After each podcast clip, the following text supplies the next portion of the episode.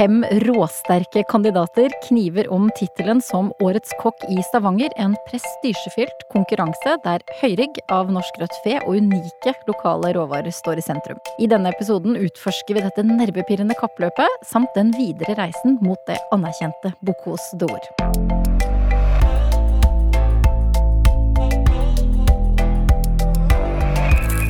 Velkommen til Matpratpodden. Jeg heter Katrine Ude, og sammen med meg er det som vanlig to matprateksperter, og det er matpratkokkene Cecilie Maske, hei. Hei sann. Og Anette Fjelleng Hansen. Hallo. Vurderte dere noen gang å konkurrere som uh, kokker? Ja, jeg gjorde jo det. Det er jo 100 år siden omtrent. Men uh, da jeg var lærling på Britannia hotell i Trondheim, så deltok jeg på et par-tre konkurranser. Var det gøy? Det var veldig gøy, men det var også veldig krevende. Det var litt andre forhold enn det er i dag. Og det var litt, det var, jeg var lærling, så det var litt, litt lavere nivå. Ja. Hva med deg, Anette? Kunne du konkurrert? Eh, med konkurranseinstinktet som jeg har, så tror jeg jo faktisk at jeg kunne ha konkurrert. Og kanskje, vil si, kanskje komme et stykke på vei òg. Men eh, jeg var jo lærling på Grand Hotell, eh, og vi var jo, jeg tror vi var tolv lærlinger. Eh, og det var jo ganske heftig i lærlingyrket i seg sjøl, akkurat på det tidspunktet da for noen år siden. Eh, det var tyske og franske kjøkkensjefer, det har jo noe å si. Eh, da, på den tida iallfall. Og så Ja, de er strengere? Oh. Eh, ja. eh, ganske mye strengere, og det var faktisk til tider at det flagra noen kniver gjennom eh, gjennom kjøkkengangene der, da. Så det var bare å manne seg opp og stramme seg opp og gjøre jobben sin. Men vi hadde jo faktisk to-tre stykker som gikk og eh, var med i lærlingkonkurranser, da. Eh, og det du så, det var at de, de via faktisk hver kveld, nesten, til eh, det her. De sto igjen etter arbeidstid og trente og trente og trente mm. og trente. Eh, og var på konkurranser i helgen. Så eh, allerede der så var de godt i gang med det jeg vil si som blir som en livsstil, nærmest. Mm. Mm. Det er jo fem råsterke kandidater som om kort tid skal knive om tittelen Årets kokk. Og det skal foregå i Stavanger 18. september. Hvordan tror dere disse fem kokkene har det nå inn mot konkurransen? Mm. Ganske nervepirrende, vil jeg tro. Eh, de har nok sikkert allerede hatt eh, en ganske god tanke på hva de skal gjøre. De har jo fått vite råvarene de skal jobbe med. Eh, og der eh, er det jo det igjen, som vi har hørt at de har sagt mange ganger, trening, trening, trening. Mm. Kanskje sett til og med at de sitter og tegner hvordan de skal legge opp og presentere retten. Eh, ja, alle de små justeringene som mm. skal til for at de skal inn. Eh, jeg har jo òg nå fått med meg de siste dagene at eh, det har noe å si på hvordan kjøkken de skal konkurrere i, mm. hvilken rekkefølge de skal konkurrere i. Eh, så alle sånne småting som er med og spisser det til, er nok det de forbereder seg på. Ja, jeg tror, jeg tror det samme. Jeg tror at det er eh, finsliping av detaljer og ganske så høye nerver. Mm. Mm. mm. Så det blir veldig spennende. Og den som eh, vinner i Stavanger, det blir da Norges kandidat til Bocuse d'Or Europa. Mm. Når er det Norge begynte å delta? Den første som deltok for Norge, det var Arne Brimi, og det var det også det første året konkurransen ble holdt, i Lyon. Eh, og det var i 1987. Og han tok seg til semifinalen den gangen, og etter det så kom Eivind Hellstrøm på femteplass to år etter. Eh, og så har vi da deltatt i så å si alle konkurransene. Jeg tror vi har deltatt i 15 av 17 konkurranser siden da. Gode, gamle Arne Brimi, altså. Ja, gode, gamle Legende i det der gamet. Ja. og, og, lille Norge har jo etter hvert dratt hjem store seire. Mm. Hvordan skjedde dette, da, for det lille landet så langt til nord, at vi hevder oss uh, ute i verden i, i kokke, kokkekunsten? Ja, si det. Altså, norske kokker har jo virkelig markert seg i denne konkurransen i alle år. Og totalt sett så har som jeg, jeg sa, 15 av, eh, av 17, men det er faktisk 17 av 19 verdensfinaler. Og Norge har tatt hjem fem gull, fire sølv og fire bronse her, og det er flere medaljer enn det Frankrike har. Eh, og det er en utrolig stor prestasjon. Det er Vi er altså den eh, nasjonen som har flest eh, medaljer, med Frankrike, som har tatt flest gull, og ligger på andreplass sånn totalt sett, men allikevel så er den liksom Norge ligger helt på topp når det gjelder å få å ta medaljer, da. Men hvordan kom vi egentlig dit? For norsk mat eh, og, og matkultur er jo ikke på en måte veldig sånn an anerkjent ute i verden. Vi vet at uh, italiensk mat ligger på topp, asiatisk er mm. ganske høyt oppe, men, men ikke norsk. Altså, vi har jo eh, kjøttkaker i brunsaus, og den matkulturen står jo Skal ikke kimse av det, herregud. Skal ikke kimse av det. Eh, noe gastronomisk opplevelse er det jo kanskje Ja, det er opp til den som spiser å vurdere. Men eh, vi har jo ikke en sånn sterk og definert eh, tradisjon eh, som kanskje det franske kjøkkenet har, og de, den franske kokkekulturen, da. men så er det jo litt sånn at det her har jo blomstra litt opp, egentlig. Du har norske kokker som har vært sendt rundt omkring i hele verden og fått masse inspirasjon tilbake, lært seg teknikker, lært seg franske teknikker og, og tatt dem med tilbake. Og så har det nå utvikla seg over tid, da. At man begynner å se at kanskje ikke Norge skal kåres i kategorien verdens verste mat, men begynner å sakte, men sikkert jakte på verdens beste mat. Og og eh, for å få måltidsturisme og den tradisjonen for de gode eh, norske råvarene satt på, satt på agendaen, mm. så har de virkelig begynt å, å blomstre og tatt det her tilbake, da. Mm. Og så er det jo sånn at uh, denne stiftelsen Norsk Gastronomi er, fungerer jo nesten litt sånn som Olympiatoppen, på en måte. Det her er jo toppidrettsutøvere de trenger mye oppbacking for å vinne. Uh, de trenger et team rundt seg. Og så har nok det med at den stiftelsen er til òg, har jo på en måte gitt et rom sånn at man kan dele erfaringer, eh, gi videre kunnskap, og så blir det på en måte et lite samfunn, da. Mm. Eh, av, ting, av folk som har opplevd det samme. Og nå er Matprat stolt sponsor av Årets kokk. Vi driver jo mest med hverdagsmat og lite jåleri. Ja, det gjør vi jo. Men uh, det her er jo fantastisk gøy. Vi jobber jo litt for de samme tingene. Uh, og vi uh, heier jo veldig på norske råvarer, og ønsker jo å få opp denne matkulturen og den, alt det bra Norge har å by på, på en måte. Eh, og de er jo eh, en driver for det. Og så eh, at vi kan eh, få norske råvarer som kjøtt og egg, som vi jobber med, da, inn på en eh, sånn eh, Først og fremst kanskje i, i den norske finalen, men det hadde jo vært kult òg å fått det med i faktisk både europafinalen eller verdens Altså i Lyon, da. Mm. Virkelig. Jeg må jo si at jeg syns det er fantastisk at vi kan være med og få løfta fram de der norske eh, toppkokkene, og også norske råvarer. Eh, og på den måten så, så, setter vi jo fokus på den supre kvaliteten som vi har på, på maten og på råvarene her i Norge. Og, eh, og, så må jeg si det at i Matprat så har vi jo ikke bare hverdagsmat. Vi har jo en god del selskapsmat, festmenyer, eh, eksklusiv bruk av råvarer og eh, gode tips og råd til alle mulige slags feiringer som man skal ha, og hvordan man skal tilberede maten der. Så eh, På et vanlig gjestenivå, så van ja, ja, ja. ja. Det, altså, det, er ikke, det, er ikke, akkurat på KISS-nivå, kanskje, men absolutt på et høyt nivå. Og det aller høyeste nivået er jo Bocuse d'Or. Hvordan blir man som kokk kvalifisert til å representere Norge i Bocuse d'Or? Den veien er jo ganske lang, og du, du har jo Mange av de som har vært med, har jo vært med siden de var barn, skulle du si, nærmest. I hvert fall lærlinger. Eh, og eh, det første er jo eh, det at de skal kvalifisere seg til Årets kokk. Eh, da sendte de jo inn menyer, eh, og i den sammenheng så, så var det jo da med høyrygg og med rotgrønnsaker og meierismør. Eh, det var gitt på forhånd? Mm. Det var gitt på forhånd, ja. og, og, og da ble de jo tatt ut, jeg vet ikke hvor mange de var totalt, men da var jo da de her fem kvalifiserte seg til å kunne delta i Årets kokk. Eh, vi har jo snusa borti de her menyene, vi. ja, dere har holdt på på kjøkkenet og testa ja. ut uh, menyene?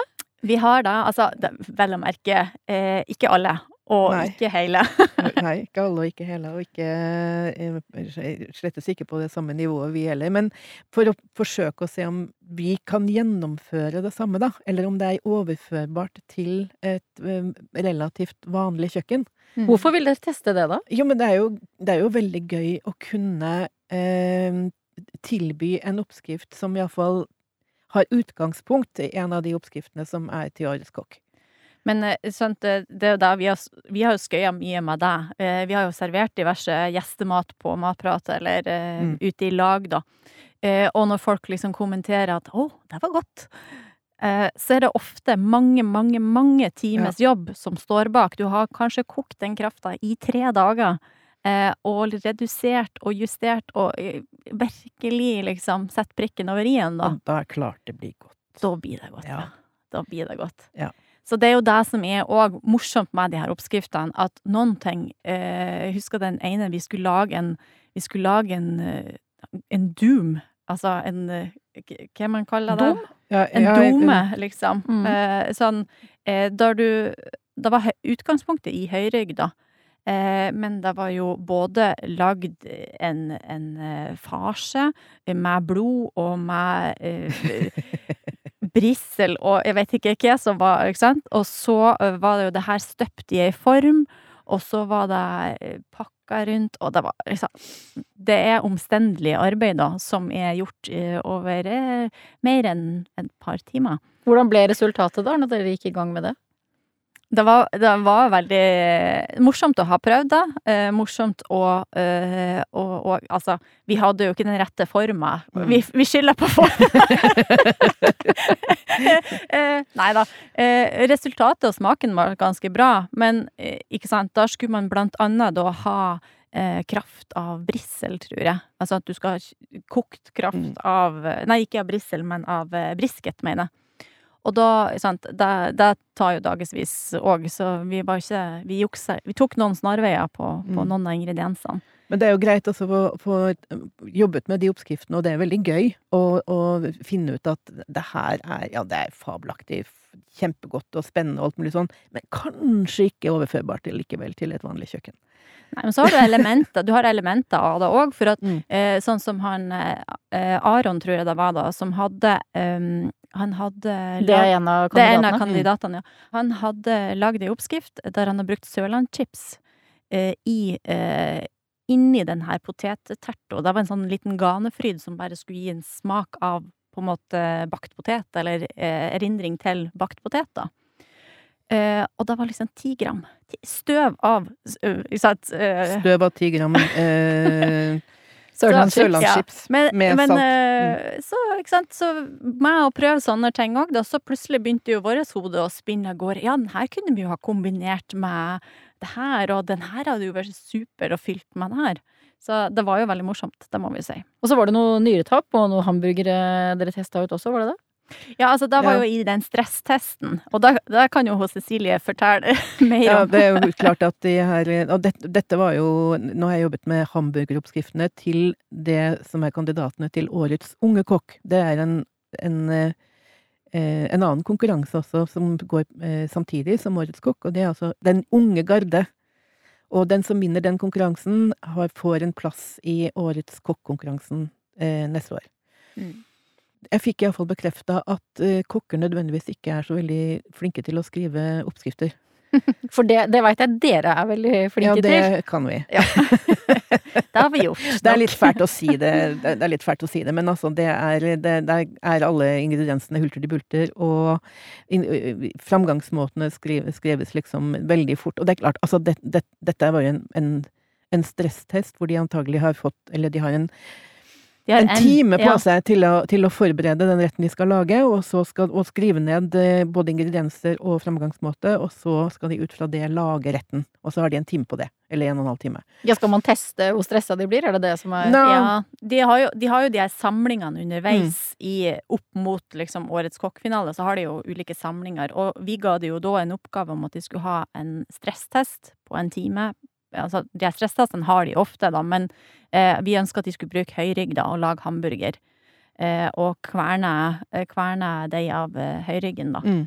Så, så da er det liksom Da skal de hvor mye kan du gjøre på en time, på en måte. Mm. Det blir jo litt det motsatte av uh, at du bruker tre dager. Mm. så, så, det er jo det som er artig å ja. se. Og da, da, går det altså, litt fort for seg, så det var ganske mangelfulle papirer vi fikk for å eh, bearbeide videre til en forståelig oppskrift som skal publiseres på Matprat. Har du kommet eh, i mål, da? Ja, ja. har faktisk det. Med de, altså, man kan trygt si at de er analysert, eh, dissekert og ja. Så de, de, skal være relativt brukbare nå, der de ligger på Matprat og er tilgjengelige for uh, hvem som vil. Uh, men det var litt, litt tenners gnissel underveis til det ferdige resultatet. Mm. Men ja, det blir bra. Og de, den høyryggen som det er kverna og, og brukt til hamburgere, det gir jo utrolig gode og saftige burgere. Det må virkelig sies. Mm. Så da har vi forstått det sånn at disse kandidatene har flere samlinger, noen av de utsettes for stresstester. Mm. Vi snakket i stad om eh, at de nærmest er, eller er toppidrettsutøvere. Ja, det er det de er. Altså, det er virkelig på nivå med toppidrettsutøvere. Og de legger like mye i det. Det er et enormt eh, høyt nivå på kokkekunnskapene. Og det er et vanvittig stressnivå. Er eh, De bruker mentaltrenere de, når de kommer høyere opp, for å kunne fungere ordentlig og, og prestere skikkelig. Eh, de trener i månedsvis og terper på det samme igjen og igjen og finsliper på detaljene. Og altså Den treningen de legger ned, er minst like høy som toppidrettsutøvere.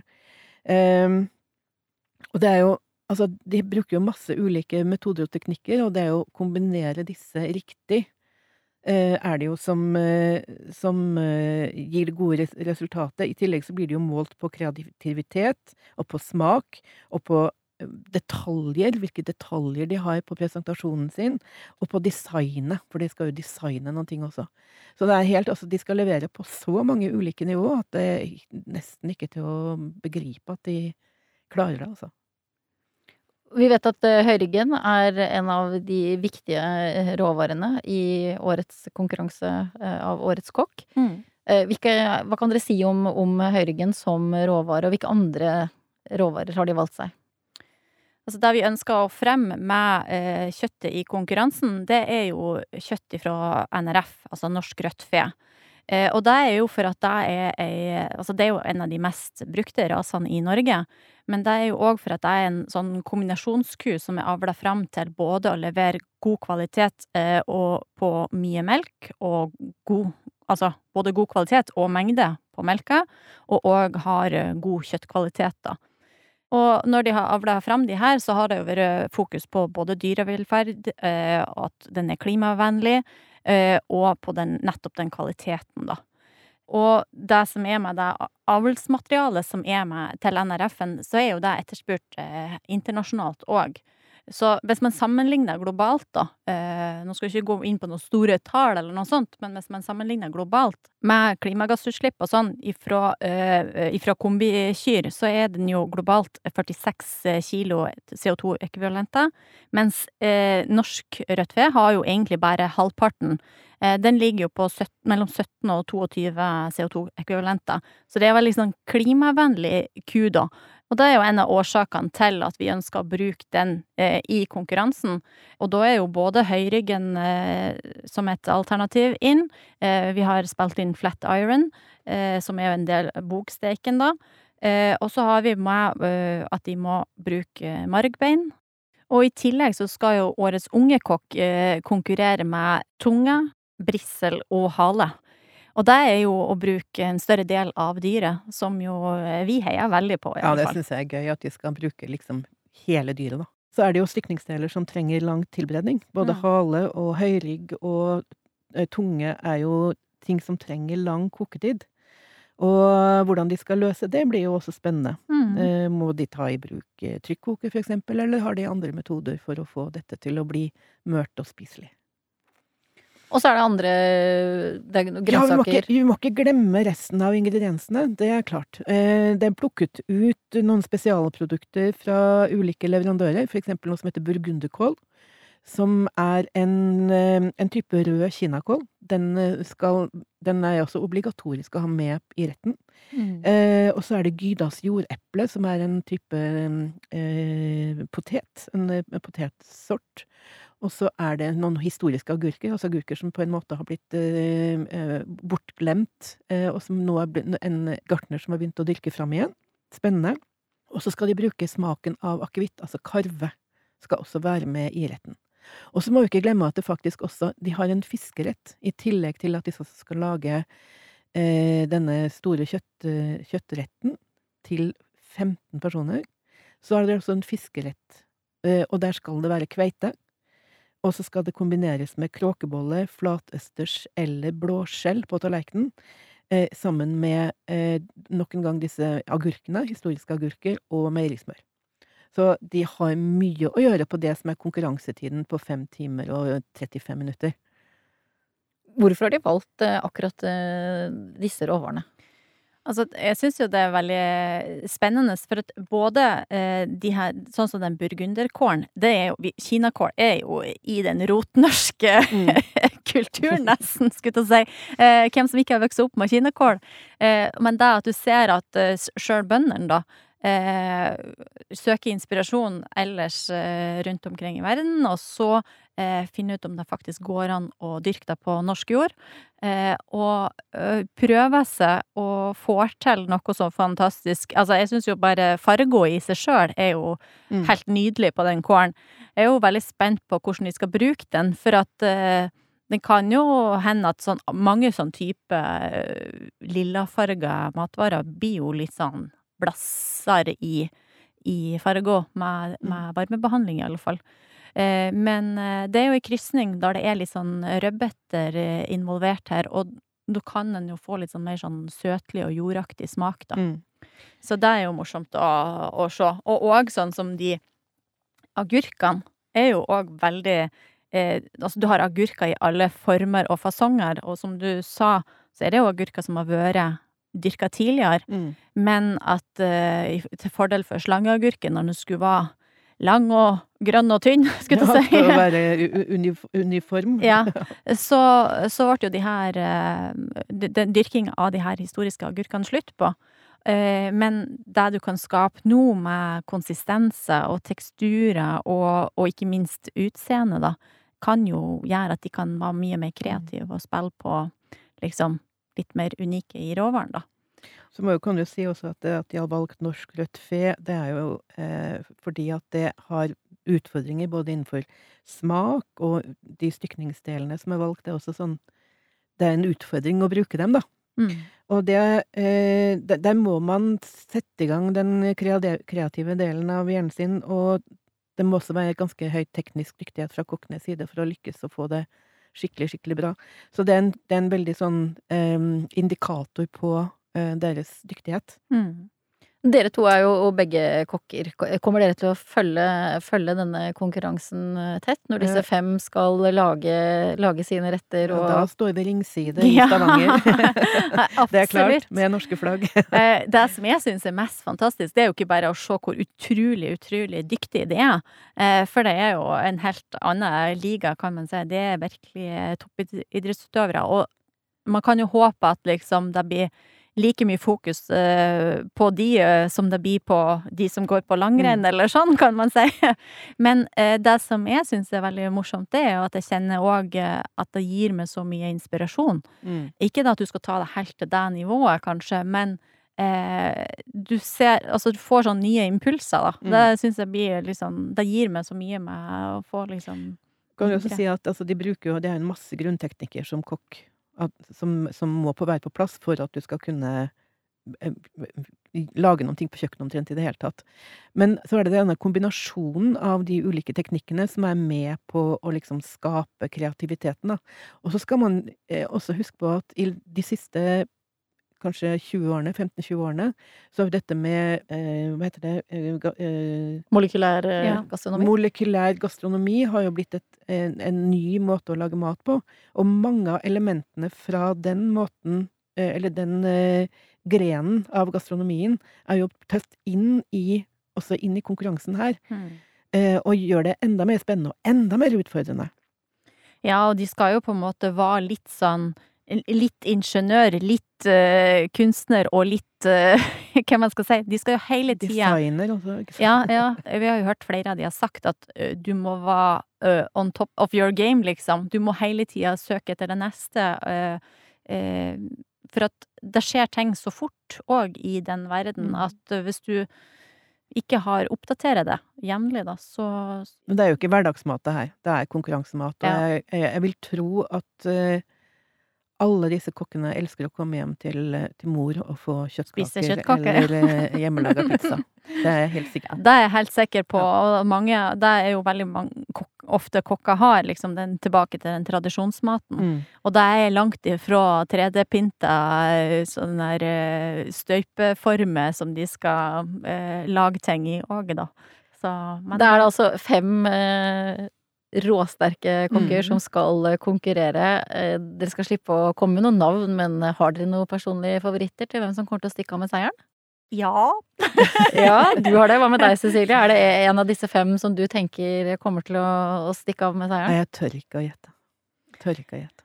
Nei, jeg tør ikke gjette. Jeg skal ikke si noen, eh, noen Vi har jo eh, ikke sagt noen av navnene heller. Nei, Nei. nei. Jeg skal ikke si noen eh, navn høyt, men, men det er liksom De er jo knallsterke alle Mm. sammen. Det er de virkelig.